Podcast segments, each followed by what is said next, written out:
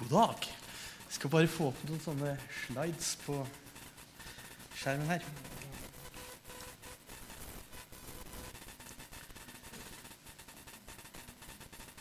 Der, vet du. Der kom det. Jeg vet ikke om dere har det sånn som jeg, men jeg føler meg litt for gammel innimellom. Eh, stadig oftere, faktisk. Eh, ungene mine, kollegaene mine på jobb, de har jo ingen kjennskap til en del av det jeg har vokst opp med. F.eks. POMAK, Shettik, hukebuss osv. Jeg tester det stadig på ungene mine, men de de sier du må ikke si sånt, det betyr noe annet, blant annet. Jeg, jeg, dette, her, dette er ord jeg har brukt hele livet mitt og trodde alle kunne. Og, men på den annen side så er det jo en hel del jeg da har oppdaget at jeg ikke kan. For eksempel så er vi nå i tredje preken av en serie som er kalt 'Det han sa'. Og det er bra for min del at Ellen Merete forklarte hva dette uttrykket egentlig betydde. Eh, jeg har, det, dette skal visstnok være sånn Twitter Der, der skal visst bokstavene være uten mellomrom i tillegg, så jeg har ikke skjønt det heller. Det, det, det som svevde inn på meg nå når jeg satt her, at det ikke vært skrevet annerledes. Ja. I hvert fall så eh, fortalte Ellen Merete da at bruken av dette uttrykket betyr noe sånn som at man henger seg på. Jeg er helt enig i det han sa, det han forrige sa. Det er jeg helt enig i. Og da ble det jo litt tydeligere for meg hva dette skulle handle om. Det er sant. I denne taleserien her så skal vi da løfte fram noe av det Jesus har sagt, og det han gjorde. Og det Jesus sa og gjorde, det har betydning for oss også i dag. Og det har en betydning for hvordan vi lever livene våre. Og jeg ønsker jo også å leve etter det. Og jeg ønsker å si det han sa.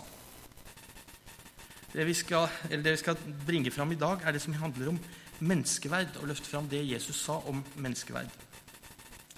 Hvor har vi den ideen fra at alle mennesker har en verdi?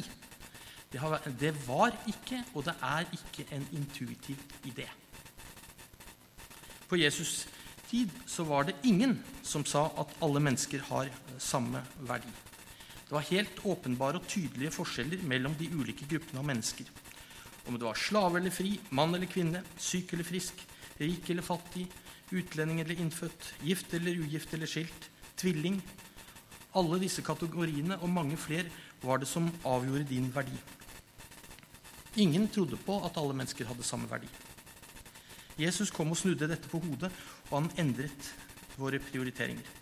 Jeg skal da ta og lese noen bibelvers. Det vil si, jeg skal ikke lese dem, Dere kan få lese dem på, på veggen, og så skal jeg fortelle om dem. Og jeg vil begynne å snakke om barn. Barn har alltid vært utrolig viktig. Og på den tiden da Jesus gikk omkring på jorda, så var det viktig for barn bl.a. For, for at det sikret alderdommen til en selv. Det var ikke noe Nav på den tiden. Det var bedre å få sønner enn døtre, og mange sønner kunne gi en sosial status i seg selv. Men disse barna var ikke verdt noe så lenge de var barn. Foreldre hadde full råderett over barna sine, inklusiv til det å selge dem. Barna ble ikke regnet for å være noe. Det å være et barn i seg selv var ikke en posisjon som bar med seg noen tyngde.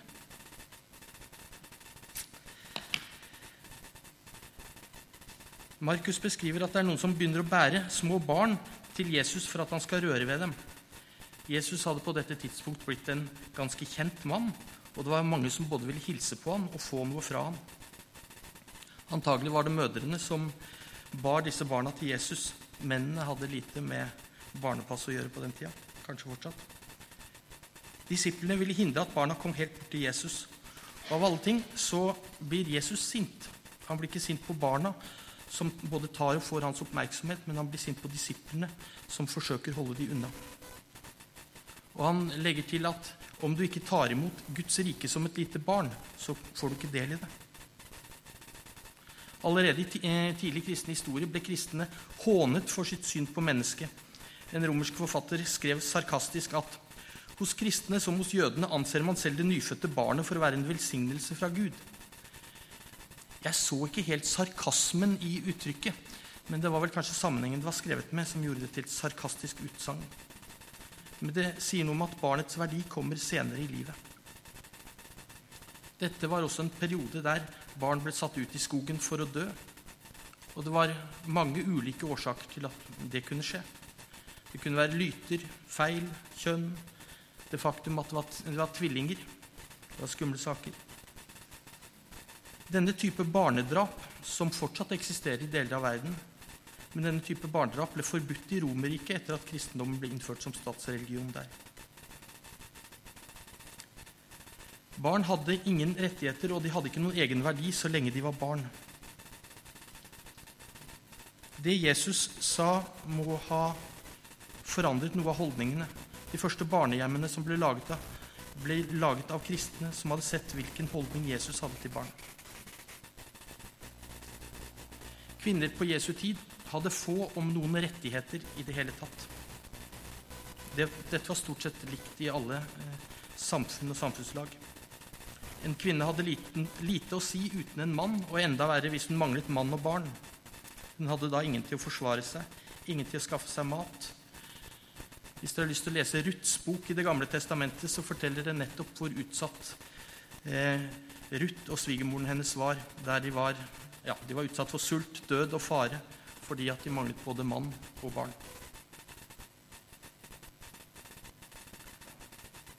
Eh, Johannes beskriver i kapittel 4 at Jesus møter en kvinne ved brønnen der han satte seg ned.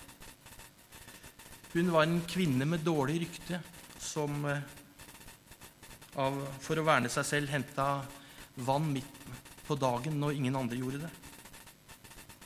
For å gjøre det enda mer sosialt vanskelig så tilhørte hun en folkegruppe jødene ikke ville ha kontakt med. Jesus som mann skulle ikke ha kontakt med fremmede kvinner heller. Men han snakker med henne, og den praten medfører en livsforandring for denne kvinnen.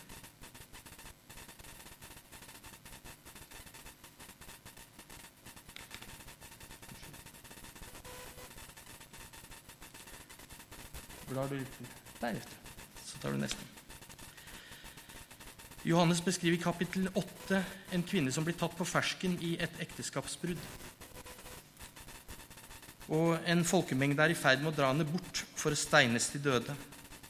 Straffen for ekteskapsbrudd for en kvinne var nettopp steining til døde. Det var loven. Mannen derimot skulle ikke straffes. Folkemengden ser Jesus og går bort til ham og spør om hans mening, mens de gjør seg klar til sitt eget oppdrag. Jesus forsvarer denne kvinnen ved å peke på hver av de som er med i denne folkemengden, og deres tilkortkommenhet når det gjelder skyldfrihet.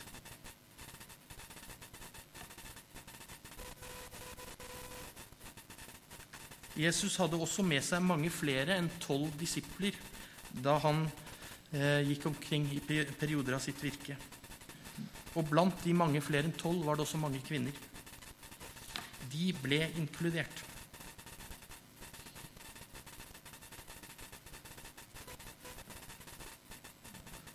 neste. Jesus setter et annet ideal for sine etterfølgere når han knytter et håndkle om livet og begynner å vaske føttene til disiplene sine. Denne oppgaven kommer svært langt nede på listen over oppgaver en mann ønsker å gjøre.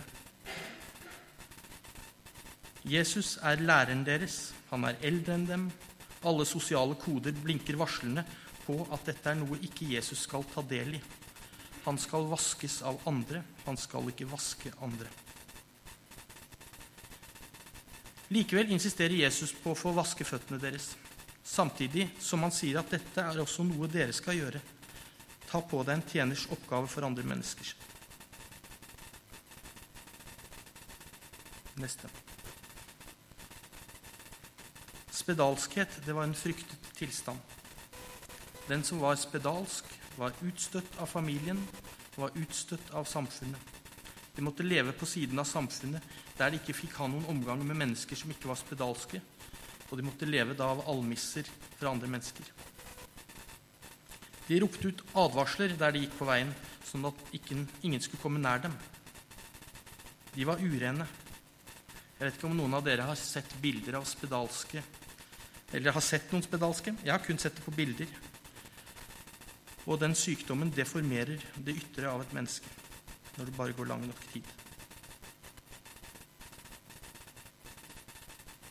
Det beskrives at en mann som ikke klarte å holde seg tilbake lenger, han kaster seg for Jesu føtter og ber om hjelp.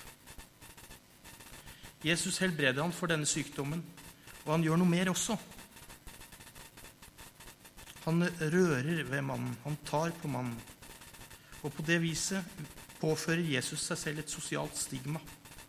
Å berøre en spedalsk gjorde at også han ble regnet som uren.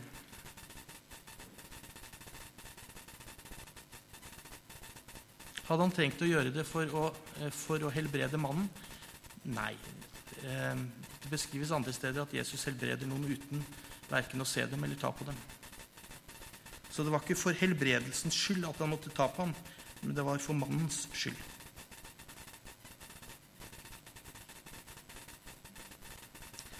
Når Jesus møter ulike mennesker, så er det nettopp det han gjør. Han møter dem der de er. Han gir dem verdighet i dette møtet. Og Ut ifra disse eksemplene som er lista opp, så ser vi at Jesus ikke avfinner seg med datidens liste over hvem som var innenfor og utenfor. Han deltar ikke i sin tids inndeling i verdige og uverdige. I tillegg til å møte mennesker så gir han en ny definisjon på hvor verdifull menneskene er. Ta neste. Jesus kom til jorda, døde for oss mens vi ennå ikke brydde oss om ham. Han gjorde det for alle mennesker. Alle mennesker er verdifulle for Gud. Vi er alle sammen verdifulle fordi Jesus har sagt det. Vår skaper har definert vår verdi, og den er at vi alle er verdifulle. Det kan jo kanskje synes som å slå inn åpne dører nå, men jeg vet ikke helt om alle er enige. Som jeg allerede har nevnt, så var tanken om at alle var verdifulle, verdifull for Gud også, heller ikke selvsagt. Den har pga. kristendommens utbredelse og store betydning i verden fått lov til å befeste seg i de årtusen som har passert siden Jesus sto opp fra de døde. Det er nemlig Gud som har stått for den definerende kraft i vårt samfunn. Og det blir liten diskusjon om det faktisk er slik at alle mennesker er verdifulle, når det er Jesus som har sagt at det er slik. Han er en høyere makt som definerer slik at vi alle sammen må bøye oss. Vi har opplevd en kraftig sekularisering av Norge og hele den vestlige verden de siste tiårene, og det er ikke noen enkel årsak til det. Det er mange årsaker til at så mange mennesker ikke lenger tror på eller vil følge Jesus. Et av problemene vi da står overfor, er at sannheter vi har akseptert fordi det er Jesus som har sagt det, ikke lenger automatisk vil bli akseptert. Og hvorfor skulle man gjøre det hvis disse sannhetene går på tvers av mine ønsker og behov?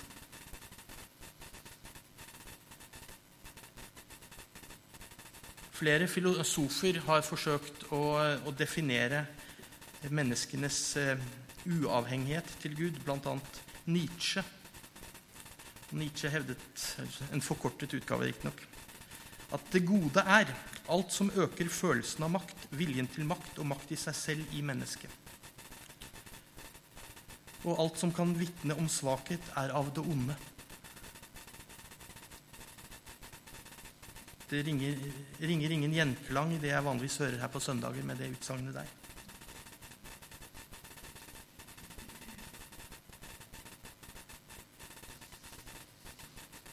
Fortsatt så vil vi vel kunne finne en ganske stor enighet om at alle mennesker er verdifulle, men det sniker seg en annen tankegods også. For noen år siden så eh, leste jeg en, sånn, eh, et innlegg på NRK Ytring. Det var en politiker, en såkalt up and coming politiker, som var glad i tastaturet sitt. Hun sammenlignet bruken av en blodprøve som skulle avdekke hvorvidt en kvinne var gravid, en kvinne som var gravid, hvorvidt eh, barnet hun bar på, hadde Downs syndrom eller ikke. Og hun sammenlignet denne blodprøven med en vaksine. Og ved å, sli, ved å, bruke en slik blodprøve kunne man finne alle med Downs syndrom og tilby abort. Hun var for dette, og hun hadde samtidig en sidekommentar til alle de som ville si at vi på det viset ville få et samfunn som var mindre mangfoldig. Og kommentaren hun hadde, var at Samfunnet vårt er mangfoldig nok uten de med Downs syndrom. Det er med andre ord mennesker uten verdi. Dersom vi tar bort Gud som referanse for hva som er rett og galt, så vil vi raskt komme ut for et problem. Hvorfor skulle din mening ha noen konsekvens for meg? Hvorfor skulle ikke jeg bare få velge min mening selv? Um.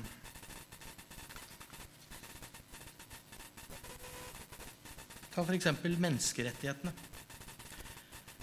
Dersom vi ikke skal bruke Gud for å argumentere for menneskerettene, så kan vi jo bestemme oss for at menneskerettighetene er rette og riktige. Og Da kan vi f.eks. bestemme oss for at folkemord er moralsk galt fordi vi sier det, og fordi domstolene våre har bestemt det. Men med samme begrunnelse så vil vi også kunne argumentere for at folkemord er helt greit. Det er helt ok dersom 51% av oss mener det, og vi kan få domstolene med på det.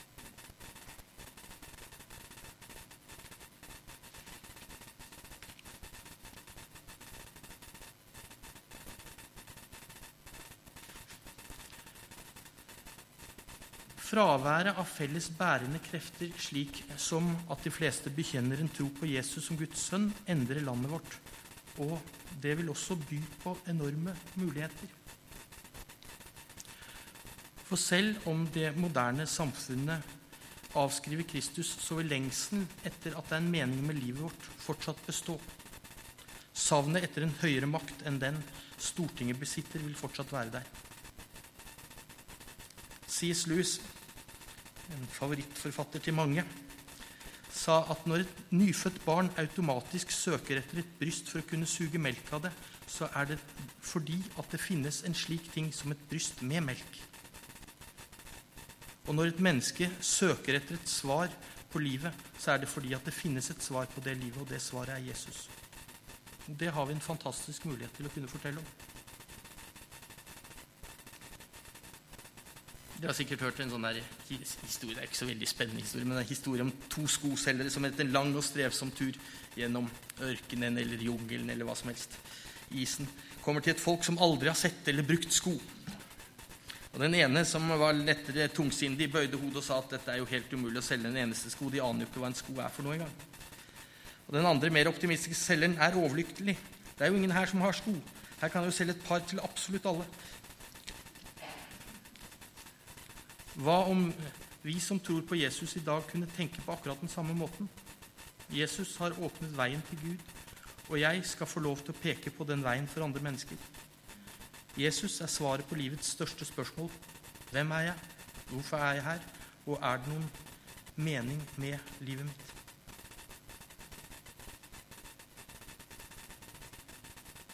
Jesus er det mennesket trenger, og vi har fått oppdraget å gå med det ordet. Hva er det som kjennetegner Norge helsemessig? Vi spiser sunnere, vi lever lengre, vi har mindre hjerteinfarkt. Dette landet synes å være en eneste lang suksessfaktor når det gjelder helse. Der vi for 150 år siden var det fattigste landet i Europa med en skyhøy barnedødelighet osv. Men likevel er det noe som mangler i livene til moderne mennesker. Ensomheten og håpløsheten øker.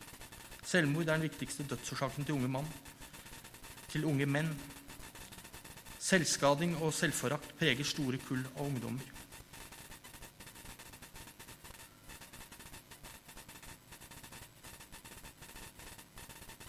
De trenger det budskapet at de er verdifulle. De er sett og elsket av Gud.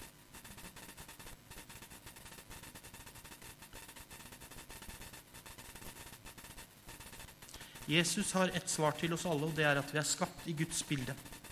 Gud ønsker at vi skal ha kontakt med ham, ikke fordi vi er perfekte, det er vi så langt ifra, men fordi vi er hans. Vår verdi har han vist oss ved å sende Jesus som soneoffer for det vi har gjort galt, og det er mye. Så selv om populærkulturen forteller at, Jesus, at Gud ikke fins, ikke er interessant eller relevant, så har Jesus noe å komme med som populærkulturen ikke har. Han kommer med en sannhet og med en mening om livet. Et pant på at vi er av verdi for Gud, hver og en av oss.